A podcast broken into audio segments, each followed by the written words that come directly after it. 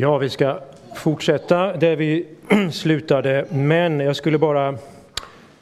Eh, tyckte det var retligt, jag inte fann de där fem ställena i Matteus 1 till 2, fem gånger där profeterna, men det är alltså på ett ställe är det inget citat, utan det sägs bara att han bosatte sig i en stad som heter Nasaret för att det skulle uppfyllas som var sagt. Så vi har de här fem ställena. Men egentligen skulle jag vilja börja i Matteus igen, därför att om vi tar vara på, på det, jag har det som en ingång nu till hur vi nalkas Jesaja, vad Jesus säger nu i ett av de här, det står skrivet, hur han bemöter djävulen, så är ju den första eh, innehållet i det citatet så, det står skrivet Människan lever inte bara av bröd utan av varje ord som utgår från Guds mun. Det här är värt för oss ofta att återvända till. Det är ett sånt otroligt radikalt ord. Att detta som vi får ta del av är ord från Guds mun. Gud talar inte bara citationstecken en profet, utan hela saken med en profet är ju så säger Herren. Och detta uttrycker Jesus själv som ord från Guds mun. Och det här nu att Gud talar genom profeter, genom apostlar, genom sin son och att vi vördar liksom hans sätt att göra detta också genom att han gör det i historien är ett sätt att liksom följa Guds plan. Vi hade ju kunnat tänka så här. Första Mosebok 1 och 2, skapelse. Kapitel 3, syndafall. Kapitel 4, eh, långfredag. Kapitel 5, påskdag. Men så har inte Gud gjort, utan han har låtit det gå en lång, lång tid. Han har utvalt ett folk, han har sänt profeter och han har låtit hela denna historia bli berättad för oss. Och så säger Jesus att detta är ord från Guds mun och sen vi ska leva av det. Människan eh, lever av ord som utgår från Guds mun. Jag såg en gång, det var ett danskt föredrag som hade titeln Av ord är du kommen. Jag tyckte den var väldigt bra. Eh, vi tänker en begravnings av jord, men det är liksom bara sekundärt. Av ord är du kommen. Gud har talat oss fram, han talar oss liksom in i sin historia. Och att leva av denna det är inte bara liksom att Gud och hans ord ska få liksom en plats i mitt liv, utan det är att jag ska bli en del i Guds historia. Bibeln har en historia och vi kan ibland tänka så här, denna historia ska liksom in i mitt liv. Jag ska lära känna den och det, det är ju sant. Men vi kan också tänka det som att det är jag som blir insatt i Guds historia. Och jag hörde en, de hade som en för eh, nykristna en bön som de fick be. Herre, hjälp mig att finna min plats i din historia. Det är ett evangelium i detta att du kommer in i ett sammanhang. Du är inte liksom din egen Eh, Eh, kapten för ditt liv där du ska bestämma allt och behärska allt, liksom, utan du blir insatt i något som är mycket större än du. Och i den meningen är det historiska här nu, som vi har varit inne på, något som fortsätter från liksom Jesajas tid, Jesu apostlarnas tid, kyrkans tid. Vi genom dopet blir ju liksom insatta här i det Jesus har gjort. Abraham blir också vår trons fader. Vi kommer in i ett sammanhang. Det är en del av detta att leva av varje ord som utgår från Guds mun. Det är att också ta vara på det historiska, ta vara på profeternas ord och inte bara hoppa från skapelse syndafall till frälsningen i Kristus. Utan däremellan en lång tid som Gud har sänt profeter att tala sitt ord. Och denna liksom historiska dimension får vi eh, bli påminda om när vi stannar inför en profetbok. Det skulle jag bara vilja stryka under igen som är det här historiska. Och att vi tänker att vi får genom profeterna kunskap, ja, det är viktigt. Men här är ett ord som är så starkt när Jesus säger att vi ska leva av Guds ord. Vi kan ju tänka så här, vi lever av Guds nåd, Guds kraft, Guds rikedomar. Vi kan sätta mycket som vi lever av. Men här säger nu Jesus, vi lever av ord. Så viktigt är eh, Guds ord, så viktigt är det, det är också ett språk. Och när vi tänker lite längre kring det här som vi inte ska göra nu, för det skulle dra iväg för långt, men om vi tänker efter. Vi föds ju in i språk. Vi kan liksom inte tänka oss mänsklig existens utan språk. Bebisen hör språk i mammas mage. Man liksom kan språket. Det, vad betyder det för tänkande, för relationer, för allting? Språk och att Gud därför har valt ord är inte bara ett slags Eh, en, en tillfällighet, något sådär, utan språk är en del av hela vår, vår verklighet. Och att nu vi lever av Guds ord, det är att denna historia, dessa ord, är inte människors ord, det är Guds ord som talar fram himmel och jord och som talar fram andligt liv och som har en historisk dimension som vi så att säga vördar och vill, vill eh, ge akt på därför att Gud har valt det sättet att uppenbara sig. Så med det, utifrån det läser vi en profet, i det här fallet nu Jesaja. För att det här inte nu ska bli bara om Jesaja så vill jag nu läsa ett längre avsnitt. Det är bra om ni har biblar eh, eller en text, annars får ni lyssna. Det har man gjort i alla tider också. Lyssna och försöka följa med. Men det är för att vi ska komma nu närmre och in i Jesaja. Jag tänker inte läsa nu någon av de här eh, vanliga texterna som vi kanske har i evangelieböcker och så vidare, utan vi tar det från början från kapitel 1 och fortsätter där vi var. Jag hade läst vers 1 till 3 och börjar då Jesaja 1, vers 4 och läser ungefär ett kapitel, Eh, alltså fram till och med 2, vers 5. Jag tänkte läsa det så vi får ett sammanhang. Ve dig, du syndiga släkte, du skuldbelastade folk, ni ogärningsmäns avkomma, ni vanartiga barn som har övergivit Herren. Föraktat Israels helige och vikit bort ifrån honom. Var skall man mer slå er då ni fortsätter i trolöshet? Hela huvudet är sjukt och hela hjärtat svagt.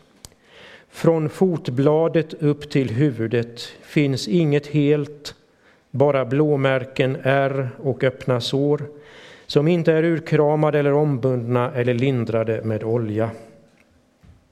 Ert land är en ödemark, era städer är uppbrända i eld. Era åkrar förtärs i er åsyn av främlingar. En ödemark är det, som efter främlingars framfart. Sions dotter har lämnats kvar, som en hydda i en vingård som ett vaktskjul på ett gurkfält, som en belägrad stad. Om Herren Sebaot inte hade lämnat kvar en liten återstod åt oss, då hade vi blivit som Sodom, vi hade liknat Gomorra. Hör Herrens ord, ni Sodoms furstar. Lyssna till vår Guds undervisning, du Gomorra folk. Vad skall jag med era många slaktoffer till, säger Herren. Jag är mätt på brännoffer av baggar och på gödkalvars fett. Till blod av tjurar, lamm och bockar har jag inte behag. När ni kommer för att träda fram inför mitt ansikte, vem begär då av er att mina förgårdar trampas ner? Bär inte längre fram meningslösa matoffer. Röken av dem är avskyvärd för mig. Jag står inte ut med nymånader, sabbater och utlysta fester, ondska tillsammans med högtidsförsamlingar. Min själ hatar era nymånader och högtider. Det är en börda för mig. Jag är trött på att bära den. När ni räcker ut era händer döljer jag mina ögon för er. Även om ni ber mycket kommer jag inte att lyssna. Era händer är fulla av blod. Tvätta er och gör er rena. Tag bort era onda gärningar från mina ögon. Sluta att göra det som är ont. Lär er att göra det som är gott. Sök det rätta. Tillrättavisa förtryckaren. Försvara den faderlöses rätt. Stöd änkan i hennes sak. Kom, låt oss gå till rätta med varandra, säger Herren. Om era synder än är blodröda skall de bli snövita. Om de än är röda som scharlakan skall de bli vita som ull. Om ni är villiga att höra skall ni få äta landets goda. Men om ni vägrar och är motsträviga skall ni förtäras av svärd, ty så har Herrens mun talat. Hur har inte den trogna staden blivit en hora? Den var full av rätt, då bodde rättfärdighet där inne, men nu mördare. Ditt silver har blivit slagg, ditt ädla vin är utspätt med vatten. Dina ledare är upprorsmän och tjuvars kumpaner. Alla älskar de mutor och jagar efter vinning. Den faderlöses rätt försvarar inte, och änkans sak kommer inte inför dem. Därför säger Herren, Herren Sebaot, den starke i Israel, ve. Jag ska låta mina motståndare drabbas av min vrede och jag ska hämnas på mina fiender. Jag ska vända min hand mot dig och rensa bort ditt slagg med, som med lut och skaffa bort all din oädla malm. Jag skall återge dig sådana domare som du hade först och sådana rådgivare som du hade i början. Därefter ska du kallas rättfärdighetens stad, den trogna staden. Genom rätt skall Sion friköpas, genom rättfärdighet det som vänder tillbaka. Men fördärv ska drabba alla överträdare och syndare. De som överger Herren skall gå under. Ja, ni skall komma på skam med de terebinter som var er lust. Ni skall få skämmas över de lustgårdar som ni har utvalt. Ty ni ska bli som en terebint med vissnande löv, som en lustgård utan vatten. Och den starke ska bli som blånor, hans verk som en gnista. Båda ska brinna tillsammans och ingen ska kunna släcka. Det ord som Jesaja, Amos son, skådade angående Juda och Jerusalem. Det skall ske i den yttersta tiden att det berg där Herrens hus är ska stå fast grundat och vara högst bland bergen, upphöjt över höjderna.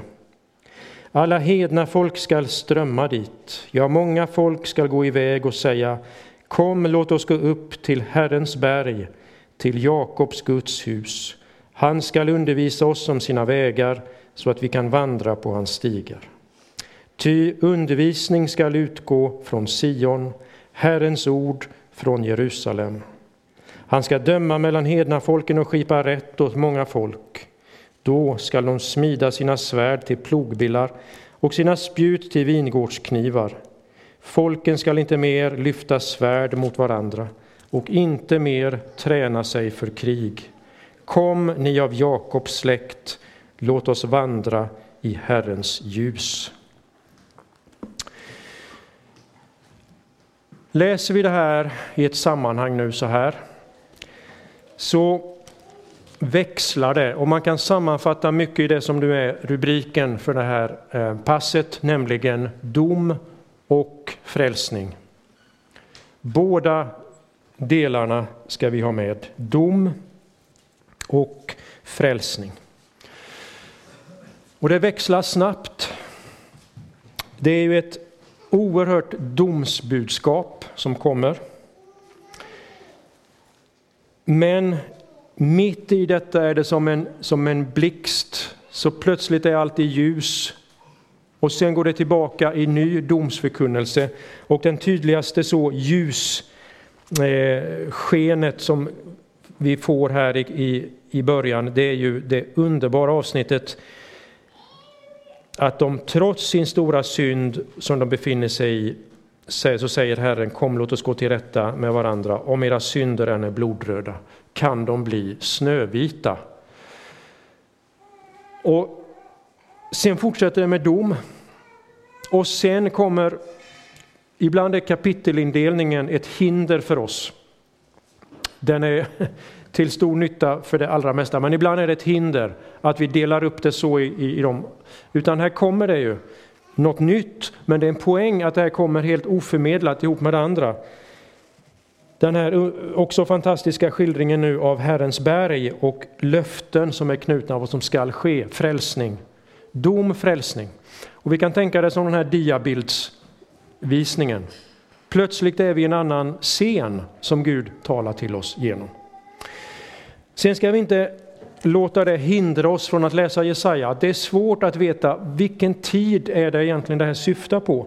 Det finns en intressant sak mitt i det här nu. Eller egentligen i början, om ni tittar vers 8. Nu skildras det ja, från vers 7, 8, 9 där, som att landet är redan skövlat. Eh, bara dottern Sion är kvar, alltså Jerusalem på Sions berg. Och det har den här, om man nu tänker på Jesajas bildspråk, tänk på hur mycket bilder det är i det här avsnittet. Om ni går igenom det sen i lugn och ro och tänker, vad är bilder? Hela vägen har han bilder. Nu jämför han då Sion och Jerusalem med en hydda i en vingård, ett vaktskjul på ett gurkfält i en belägrad stad. Det är som att allt annat är taget, hela den stora vingården är liksom förödd. Men det här tornet, det, vaktskjulet, det står kvar. Och det här låter väldigt mycket som en situation som vi har skildrat sen i kapitel 36, 37, eh, alltså som jag nämnde förut, det här historiska avsnittet. Jag tänkte vi bara ska göra den utflykten dit och sen tillbaka till kapitel 1. Men om vi slår upp eh, 36 så har det rubriken Assyriernas hot mot Jerusalem. Och då är vi mycket längre fram än när Jesaja kallades. Eh, han kallades alltså 640 kung Ussias dödsår. Nu får vi hjälp här i noterna och som någon sa till mig på rasten, jag har, eh, jag har inget emot folkbibeln 2015, det är bara att jag har inte kommit in i den utan jag lever kvar i, i eh, 98. Men 2015 har den stora fördelen att det är mycket mer upplysningar i noterna där. Och till och med i 98 står det eh, till 36, vers 1, att Hiskias 14 regeringsår, 701 före Kristus. Så då, är vi, eh, då får vi eh, en, en historisk datering och vi får en, en, en geografisk, det är alltså assyrierna. Det nämns nu Sanherib, kungen i Assyrien. Och det står att han drar upp han kommer nu även till Sydriket och det står att han angriper alla befästa städer i Juda, alltså i Sydriket, och intog dem.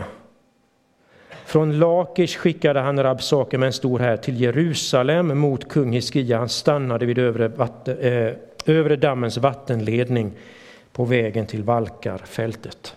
Så här har vi nu Jerusalem kung Hiskia och denna världsmakt som står liksom för portarna, har tagit allt annat. Och så har vi skildringen av Hiskia och hur han eh, handskas med det. Vi hinner inte gå djupare in i det. Jag vill bara eh, peka på några som kända avsnitt här. Jesaja profeterar och säger förtrösta på Gud. Det är budskapet från Jesaja. Förtrösta på Gud, sätt din lit till honom. Detta kommer att sluta väl. Han kommer inte att inta staden. Hiskia som är from. Vi kan se 37, vers 14. När Hiskia hade tagit emot brevet av budbäraren och läst det gick han upp i Herrens hus och bredde ut det inför Herrens ansikte. Det är ett vackert eh, sätt att beskriva. Han tar med nu också detta svåra besked, fiende, hotet till Gud, till hans hus och breder ut det inför hans ansikte. Så gör Hiskia i sin nöd. Eh, det händer mycket annat här. Jag vill bara att vi ska se på en händelse hur det här mynnar ut, nämligen i slutet av kapitel 37 så skildras i all liksom, korthet och enkelhet en av de mest dramatiska vändningarna i Gamla testamentet. En av de mest dramatiska vändningarna i Gamla testamentet skildras på bara några verser, väldigt kort och nästan så att man missar det. Kapitel 37 från vers 36. Sanheribs fall.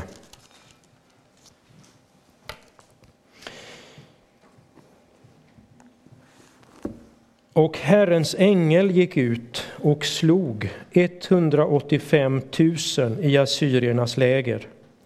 Och när man steg upp tidigt följande morgon, se då låg där fullt av döda kroppar. Då bröt Sanherib, kungen i Assyrien, upp och vände tillbaka. Han stannade sedan i Nineve. Detta Guds ingripande fiendehären, denna världsmakt, blir slagen. Och det är Gud som gör det. Och lägg märke till hur det kommer direkt efter ett löfte, om vi tittar eh, innan det vi nu läste. Så har vi ett löfte från Herren, vers 33, 37, 33. Därför säger Herren så om kungen i Assyrien. Han skall inte komma in i denna stad eller skjuta någon pil dit in. Eh, så säger jag att jag ska rädda staden. Israels folk sover när de blir räddade. Det går inte mer beskriva deras passivitet och Guds aktivitet. Denna vändning när Assyrien drar sig tillbaka och Jerusalem blir inte intaget. Men det låter ju så, om vi nu går tillbaka till kapitel 1, som att kapitel 1 här, en ödemark, Sions dotter är det enda som är kvar, ett vaktskjul, en belägrad stad. Och det är mycket möjligt att detta är någonting som Jesaja så har, har sett och säger att det har redan skett. Eh, fast den historiska skildringen av det får vi långt senare. Så att när man läser Jesaja ska man inte låta sig hindras av detta, utan ta detta, det är fantastiska eh, budskap och ett språk, även när vi inte kan så här exakt kronologiskt datera allting. Det kan bli ett hinder för oss, men vi ska följa det så långt vi, vi kan. Det finns här ett intressant utombibliskt vittnesbörd som jag bara vill nämna, nämligen Eh, denna belägring av Jerusalem eh, har beskrivits av assyrierna själva. Flera av er känner säkert till detta. Det finns i en svensk bok som heter Skatter från Bibelns tid.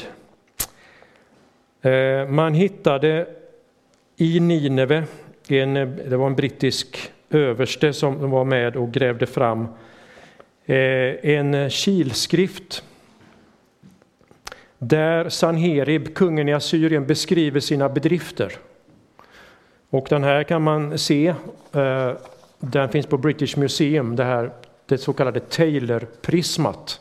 Är man i London så bör man åka och se på Taylor-prismat. Det är inte stort, det är inte större än, än så här. Eh, men där är skrivet Sanheribs bedrifter och han räknar upp här, det är som vanligt i sådana man beskriver allt bra och stort man har gjort.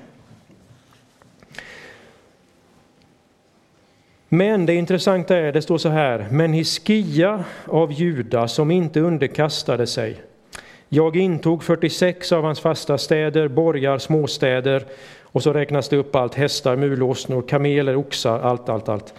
Honom själv inneslöt jag som en fågel i en bur i Jerusalems, hans kungastad. Hans städer, vilka jag intagit, avsöndrade från hans land och så vidare och så vidare. Den här bilden har blivit berömd, att Hiskia är fångad som en fågel i en bur. Men han säger inte att han intog Jerusalem. Han säger ingenting om det här att de fick dra sig tillbaka, att det blev ett nederlag, hur det nu än blev. Det säger han ingenting om, för det ligger i genren. Man säger bara det som är eh, det positiva och det negativa är man bara tyst om. Så att historiskt, för Israels historia, för Jesajas historicitet, så är det här ett utombibliskt vittnesbörd som passar ihop med den historien. Även om vi inte kan eh, vara säkra på att det är det han syftar på i kapitel 1. Det kan också vara något annat eftersom det är bildspråk. Men vi kan väl bara, det vi läste nu, tänka på hur mycket bilder Jesaja använder. När man läser kan man en hjälp att läsa. Det vi hade förut, han jämför alltså Israel med en oxe, en åsna. Sen är det som en, en sjuk kropp. Det här med huvudet, fotbladet, alla blåmärken är öppna sår.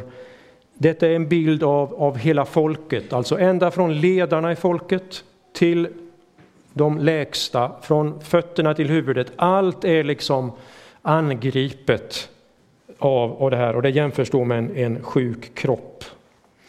Sen växlar bilden. Vi har det här med vingården, gurkfältet. Sen finns eh, nu eh, referenser till det lägsta, liksom det mest djupa avfall som Gamla testamentet har, nämligen Gomorra, Sodom och Gomorra. Och Guds folk då, det utvalda folket, kallas för Sodomsfurstar och Gomorra-folk. Det, det går inte att liksom komma med grövre anklagelser än, än så. Och sen har vi bilderna av det blodröda och det vita, vita ullen. Staden har blivit en, en hora. Eh, och sen kommer eh, i bildspråket ännu mer, men det är ju mer som en liknelse att man ska smida svärden till plogbillar, spjuten till vingårdsknivar. Men lägg märke till bildspråket och när vi läser Jesaja så är detta en hjälp. Sen har vi några historiska avsnitt, då är det som att läsa kungaböckerna. Kapitel 7 där och in i 8, 36 till 39. Annars är det mycket i den här genren.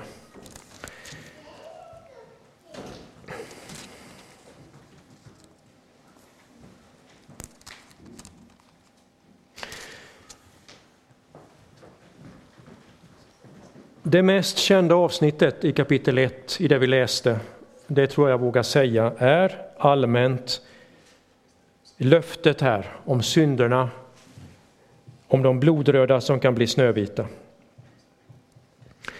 Men lägg märke till att det kommer alltså föregås av domsförkunnelse, följs av domförkunnelse och detta, denna domsförkunnelse kommer inte på något nyckfullt sätt det är inte så att den, den, varför säger han det här? Utan detta är en direkt följd av överträdelserna i Gamla Testamentet. Man har liksom dragit över sig själv genom sin olydnad, över sitt folk och över sitt land, Herrens förbannelse, så som vi har den skildrad i eh, femte Mosebok. Där. Egentligen är hela, hela Mose lag, men den finns sammanfattad i slutet där, som vi såg på förra timman. Denna växling mellan dom och frälsning har i den lutherska traditionen liksom tagits upp som lag och evangelium. Det är ofta så vi talar om det. Men jag tror personligen inte att det var en tillfällighet att Luther var professor i Gamla testamentet. Det var egentligen Gamla testamentet han hade som sin huvudsakliga eh, gärning där på universitetet, att föreläsa över GT. Och när man tänker på vad Luther säger om skapelseteologi, om eh, detta med lag och evangelium som man menar är en nyckel, så är det, det kommer liksom ur Gamla testamentet. Det är inte att han hittar något och för in det i Gamla testamentet, utan detta kommer ur Gamla testamentet. Det finns här i profeterna om vi har ögon att se det. De förkunnar en obönhörlig dom, en konsekvens, en förbannelse som kommer komma över folket. Och de förkunnar ett totalt villkorslöst löfte om att Gud ska frälsa. Och de här går liksom hand i hand hela tiden och kan växla snabbt mellan dem. Och det blir Guds sätt att handla med, med sitt folk är alltså detta dubbla sätt. Och Luther själv fann ju detta liksom som i en, en sammanfattning i Hannas lovsång. Där det sägs att Herren dödar och gör levande. Han för ned i dödsriket och upp därifrån. Det ser Luther som en slags sammanfattning av Guds handlande med sitt folk. En dubbel gärning som svarar mot Guds både helighet och rättfärdighet, barmhärtighet, kärlek.